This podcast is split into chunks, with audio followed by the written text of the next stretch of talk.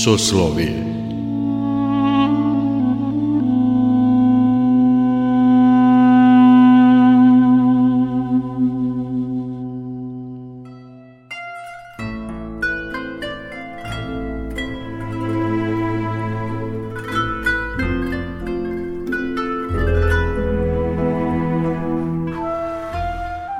Slušate Soslovije, religijski nedeljnik Radio Novog Sada. Dobrodošlicu vam želi Mirjana Ranković. Večerašnju emisiju posvetit ćemo životnoj priči protojereja Stavrofora doktora Miloša Vesina, paroha Južnočikaškog i Lensinskog – i Stavrofor Miloš Vesin završio je Karlovačku bogosloviju i Bogoslovski fakultet u Beogradu. Studije psihologije, studije muzike, odsek solo pevanje i dirigovanje i postdiplomske studije iz teologije završio je u Lucernu, u Švajcarskoj. Prvi je dirigent svešteničkog hora eparhije Šumadijske Sveti Sava. Usavršavao je muziku i psihologiju u Lozani, Parizu i Kembridžu. Doktorirao je psihologiju u Londonu. Predavač je na mnogim crkvenim tribinama i univerzitetima širom Amerike, Kanade i Evrope. Bavi se pastirskom psihologijom i službuje u Čikagu.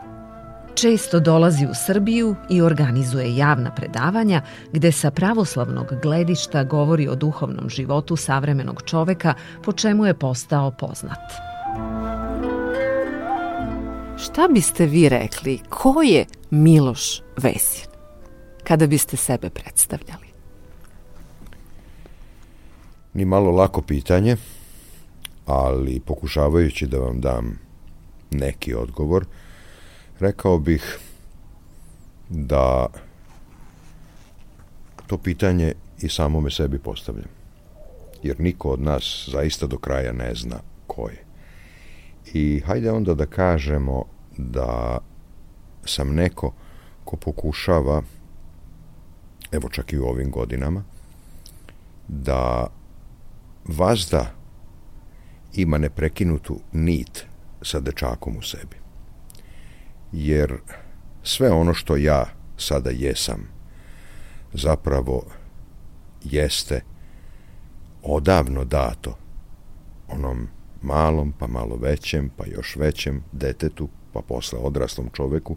Ne usuđujem se da kažem i zrelom, zato što je zrelost proces i redko ko od nas to postigne zaista tu punu zrelost, ali hajde ukratko da kažemo, neko ko pokušava da ostane u harmoniji sa dečakom u sebi, to ne ide bez padova, bez a, lomljenja, ali isto tako i neko ko pokušava da je vazda na putu oduševljenja.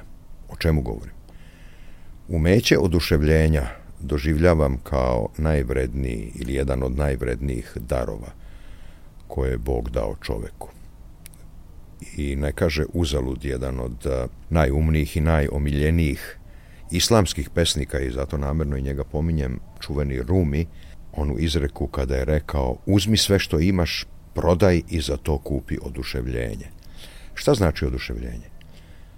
Umeti zastati pred cvetom, pred drvetom, stati ispod oblaka i jednostavno proslaviti Boga za svu lepotu koju nam je dao, koja je oko nas svakoga dana, i kada je sunčano, i kada je oblačno, lepotu koju, nažalost, ne primećujemo.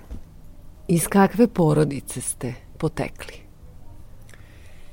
Jedne vrlo interesantne porodice, raznolike dinamike.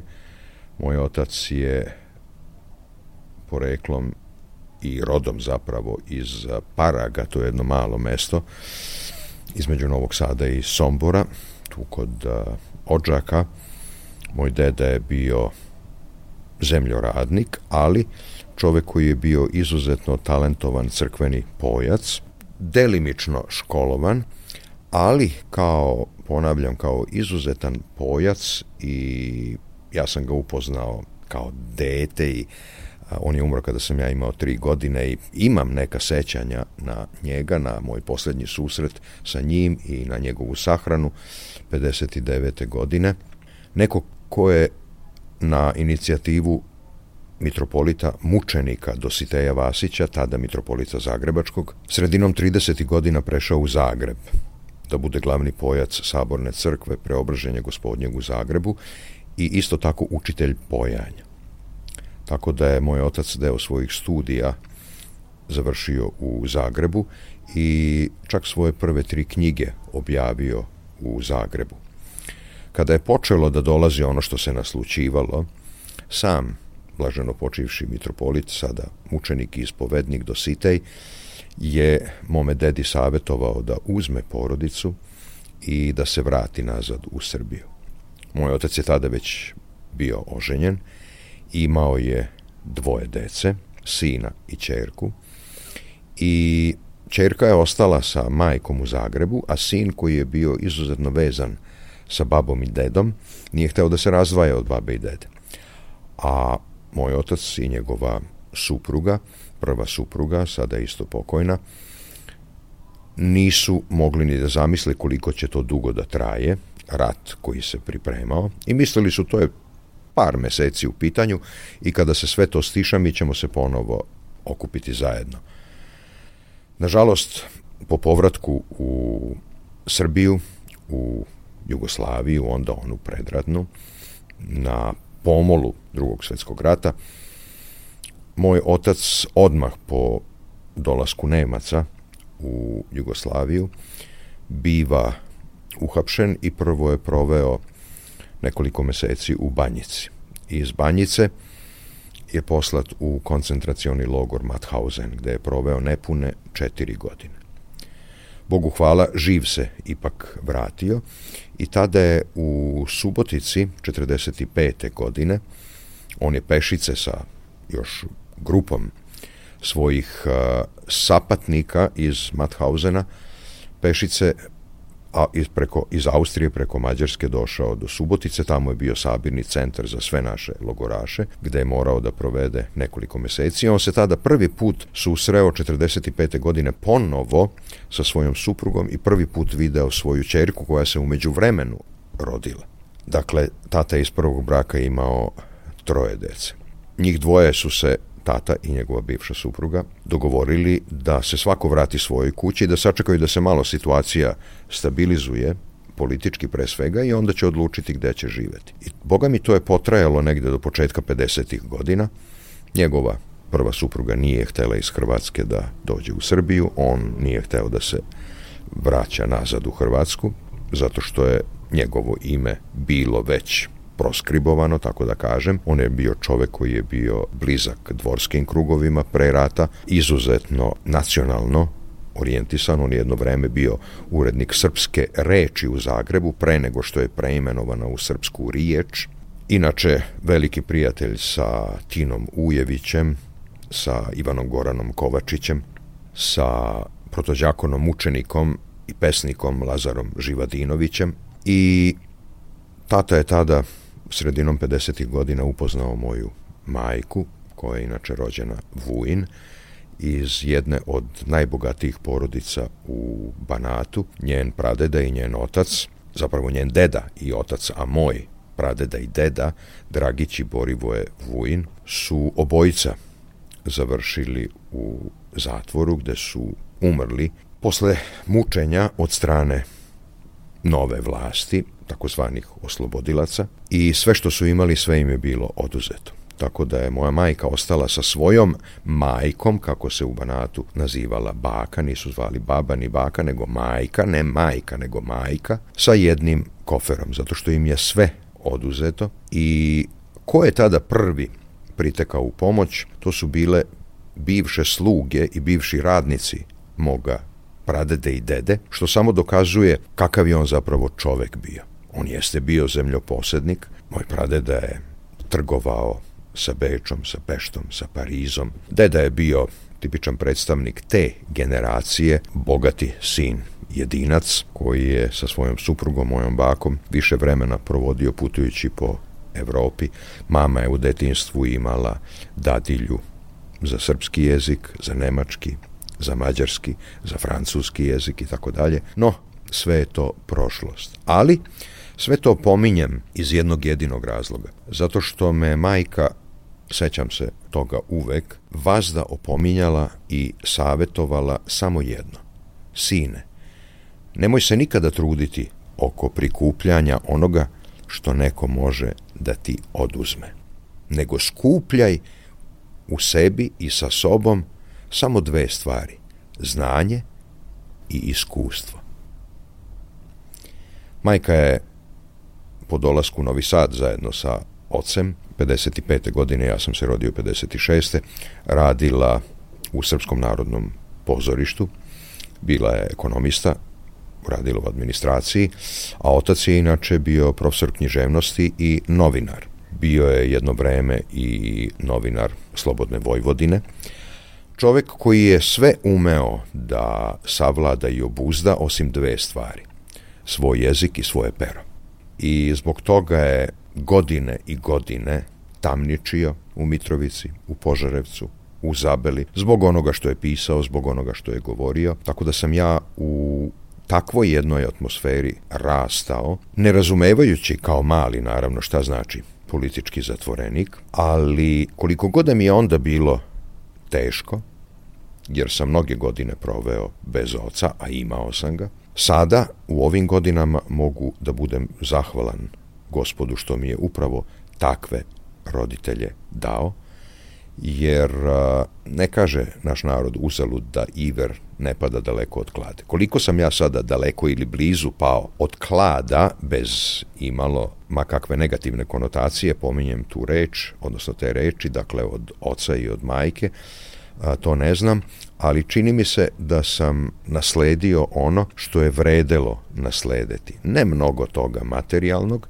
ali jako mnogo toga duševnog i duhovnog, što je meni samome pomoglo na izgrađivanju mog sobstvenog puta kroz život, ali pre svega i na pogledu na svet, na čoveka i na život. I na kraju, ali ne i poslednje, ono što je svakako igralo veliku ulogu, ja sam rođen i odrastao u jednoj građanskoj, pravoslavnoj porodici, gde je vera, vera pravoslavna, uvek bila stub života, ali istovremeno i otvorenost prema svima. Bez obzira što je moja baka po majici stradala u raciji, živa je bila bačena pod led 9. januara 1942. godine. Moja majka je do kraja života bez imalo gorčine uvek kada je imala priliku za to govorila mađarski, zadržala kontakt sa potomcima te porodice, odnosno tih porodica, jer je bilo više porodica koje su htele da prihvate moju prabaku i moju majku i mi smo sa njima bili zaista kao rođaci, što samo dokazuje kakvo je ponašanje prema njima negovao moj pradeda, a onda i moj deda.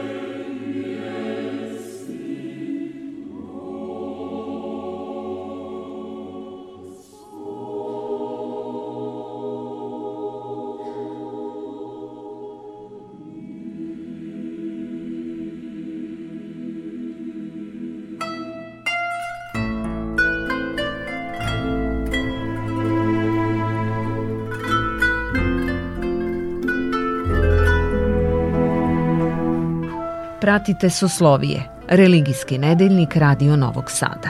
Slušamo životnu priču protojereja Stavrofora doktora Miloša Vesina, paroha Južnočikaškog i Lensinskog.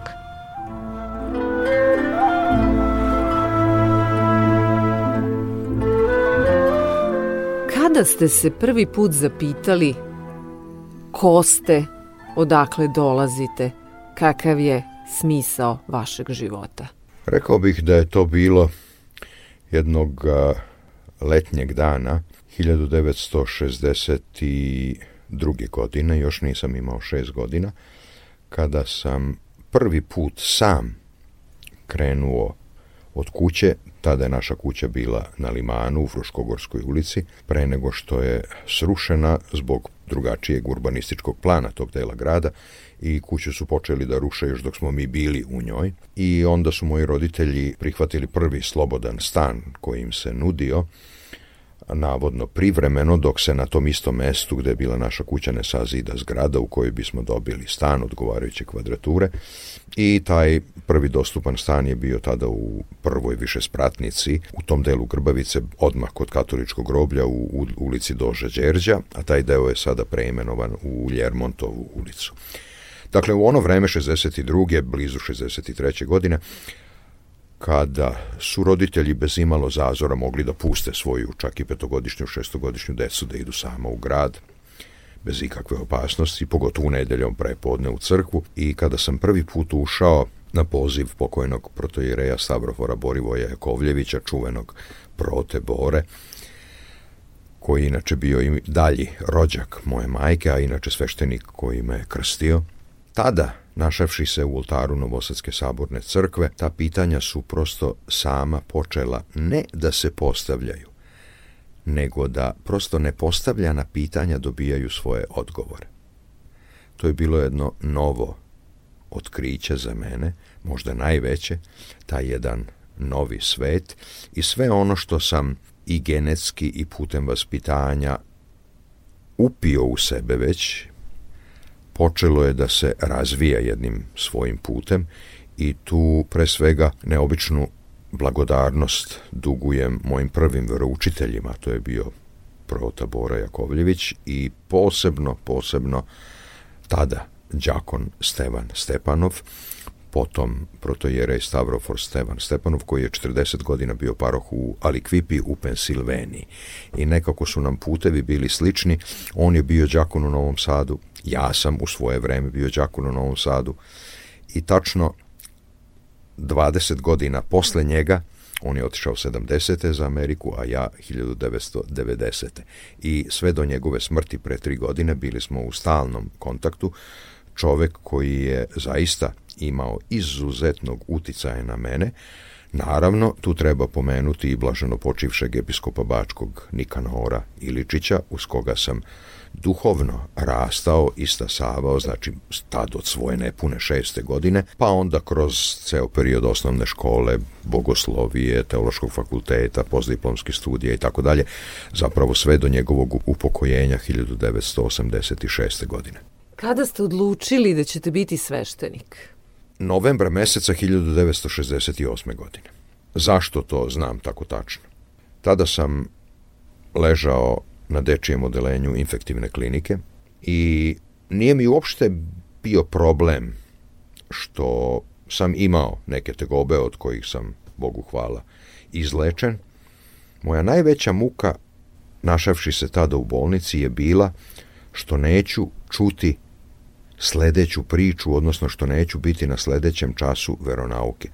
Naš veroučitelj, već pomenuti đakon Stevan Stepanov, kako smo ga svi mi u ono vreme zvali naš čika Stevica, kad kažem svi mi, ondašnji đaci veronauke u Novom Sadu, veronauka se tada predavala jedino pri crkvama i sva deca, svi mi smo zapravo svoja prva verska znanja i početak verskog vaspitavanja dobijali na onom mestu gde to vaspitavanje treba i da počne, a to je u porodici. Sve ostalo je samo nadogradnja. I Naši Kastevica je uvek imao lep običaj da bi na kraju svakog časa nagoveštavao temu idućeg časa, o čemu ćemo iduće nedelje pričati.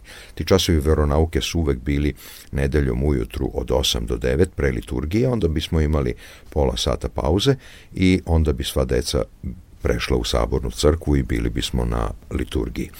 I u nedelju kada sam bio na tom, za mene tada, tog novembra, poslednjem času, on je nagovestio, e, deco moja, u iduću nedelju ćemo čuti nešto o priči koja se zove o bogatašu i Lazaru. Pa ćete čuti šta će biti sa svakim od nas jednoga dana kada napustimo ovaj svet. A ja sam u sredu posle te nedelje se našao u bolnici.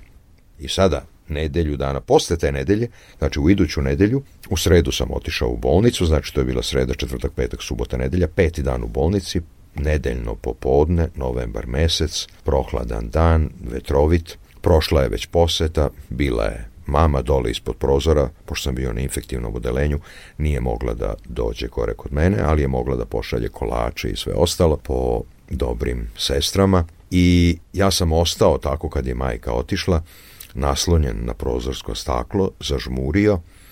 Jednostavno mi je prijela ta hladnoća tog novembarskog stakla, tog popodneva i u jednom momentu ja čujem neke čudne zvuke, ne otvaram oči, čujem šum lišća, kao da neko gazi po lišću. Bilo mi je čudno zato što su svi posetioci već odavno otišli. Ko bi sa to mogao da dođe? Kada sam otvorio oči, ja nisam mogao da verujem. To je bio moj čikastevica, sa čitavom grupom dece sa veronauke koji je došao tada da bi i njima, ali i meni, pod prozorima infektivnog odelenja pokrajinske bolnice u Novom Sadu održao čas veronauke. Pazite, kada pominjemo tu 1968. godinu, mi obično govorimo o njoj kao o revolucionarnoj godini, šta se dešavalo u Evropi i tako dalje. Međutim, prvi pravi revolucionarni pokret je bio tu na tom mestu ispred infektivnog odelenja pokrajinske bolnice u Novom Sadu kada je đakon Stevan Stepanov održao prvi javni čas veronauke da mu to bi nije bila namera ne on je jednostavno želeo da je jedan bolesni učenik veronauke koji je tada bio sprečen da bude sa ostalom decom koji je bio u bolnici čuje ono što bi i ostala deca trebalo da čuju Lako ih je naravno motivisao sve moje drugove i drugarice sa veronauke i a njih između 20 i 30, ne sjećam se sada tačno koliko ih je bilo u toj grupi, svi su oni pažljivo tog hladnog novembarskog popodneva stajali, slušali, ja sam otvorio prozor, slušao, plakao i tada sam sebi rekao, e jednog dana ćeš i ti biti ovakav. Koja knjiga je uticala na vas? Mnoge knjige su uticale na mene. Hajde da kažem da su, poseban, su poseban odjek u meni ostavile Nušićeva autobiografija. Nju sam voleo da čitam u parku iza Karlovačke bogoslovije kao srednjoškolac, obavezno uz u ono vreme omiljenu krašovu čokoladu sa lešnikom, sa lešnicima. Tu je zatim nezaobilazni Mali princ. Imam čak dosta tih izdanja na raznim jezicima i nekoliko i srpskih izdanja.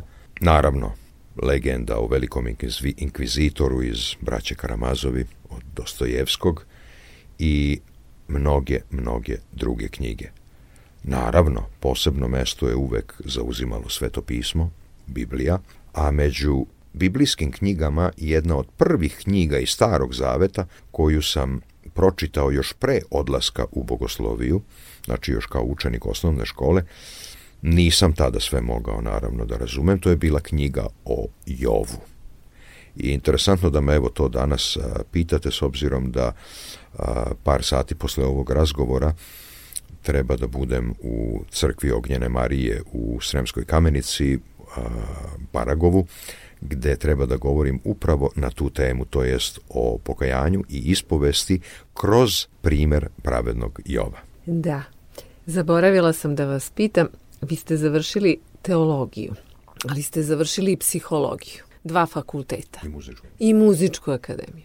Za muziku to ne mora mnogo da vas pitam, zašto? Pošto ste i sami rekli da vam je i deda bio čuveni pojac i nasledili ste sasvim sigurno i taj talenat, A za psihologiju, vaše interesovanje, otkud to interesovanje za psihologiju? Interesovanje za psihologiju je meni probudio i slobodno mogu reći i razbuktao pokojni akademik Vladeta Jerotić. I imao sam tu privilegiju da sam ga ne tek poznavao, nego zaista bio blizak sa njim tokom 40 godina. Počevši od onog prvog dana 1976. godine kada sam kao student teologije sa pokojnim protom Milošem Paunovićem ušao u stan kao sveštenički pomoćnik, svi mi studenti onda smo uglavnom išli, kako se to kaže, sa sveštenicima, bili sveštenički pomoćnici prilikom obilaska domova, osvećenja vodica, oslavama i tako dalje. Kada sam, dakle, prvi put ušao u dom sada već oboje pokojnih, Vladete i Jelene Jerotić.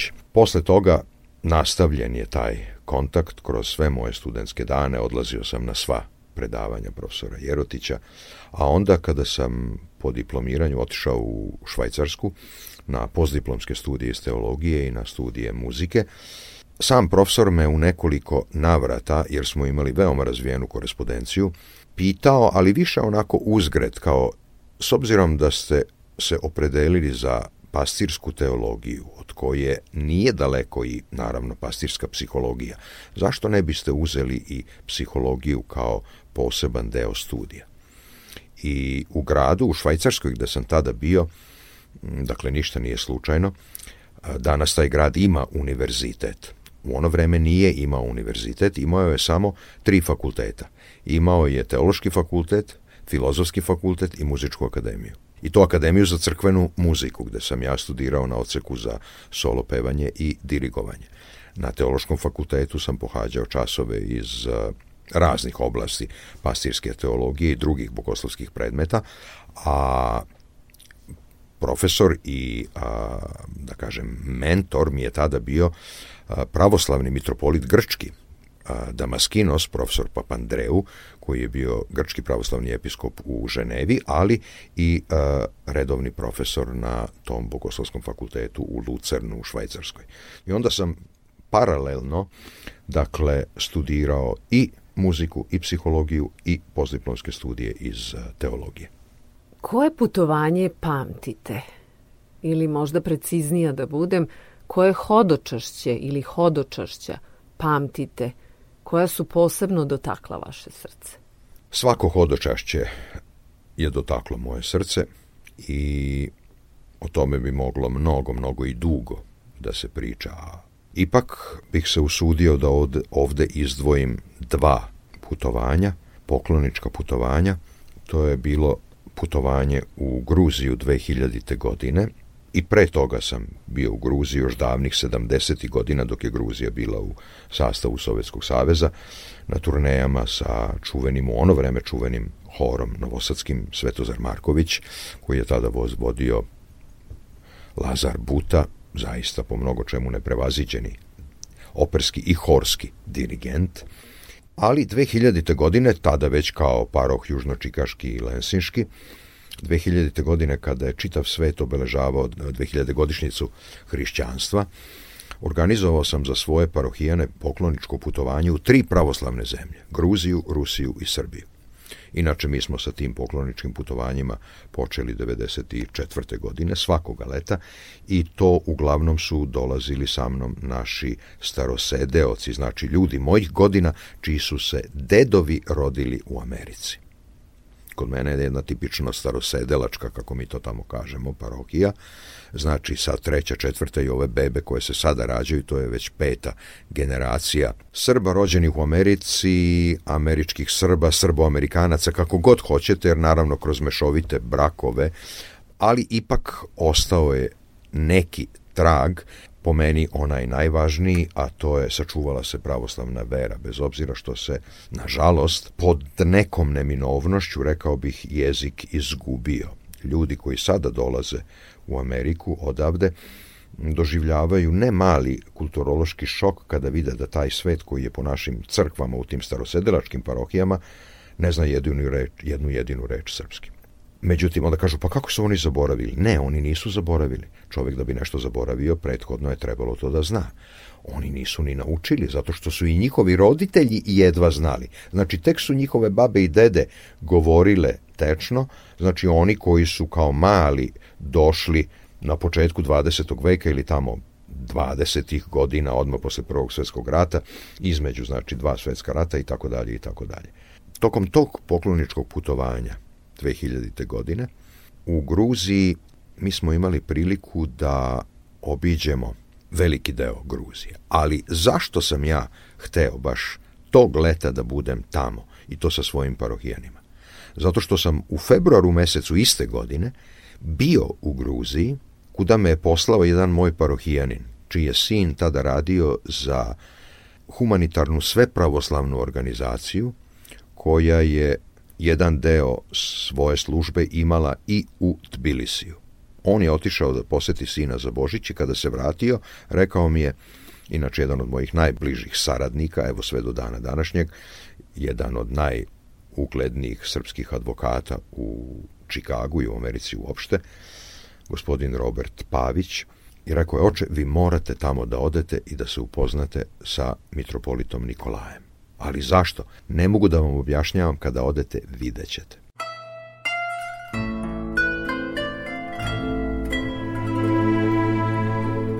I tu se naša priča ne završava. Čuli ste prvi deo razgovora sa protojerejem Stavroforom Milošem Vesinom, parohom južnočikaškim i lensinškim. Drugi deo njegove životne pripovesti poslušajte naredne nedelje u istom terminu. Soslovije realizovali ton Sabina Nedić, urednik i voditelj Mirjana Ranković. Emisiju možete da slušate i odloženo na media.rtv.rs radio. Radio Novi Sad.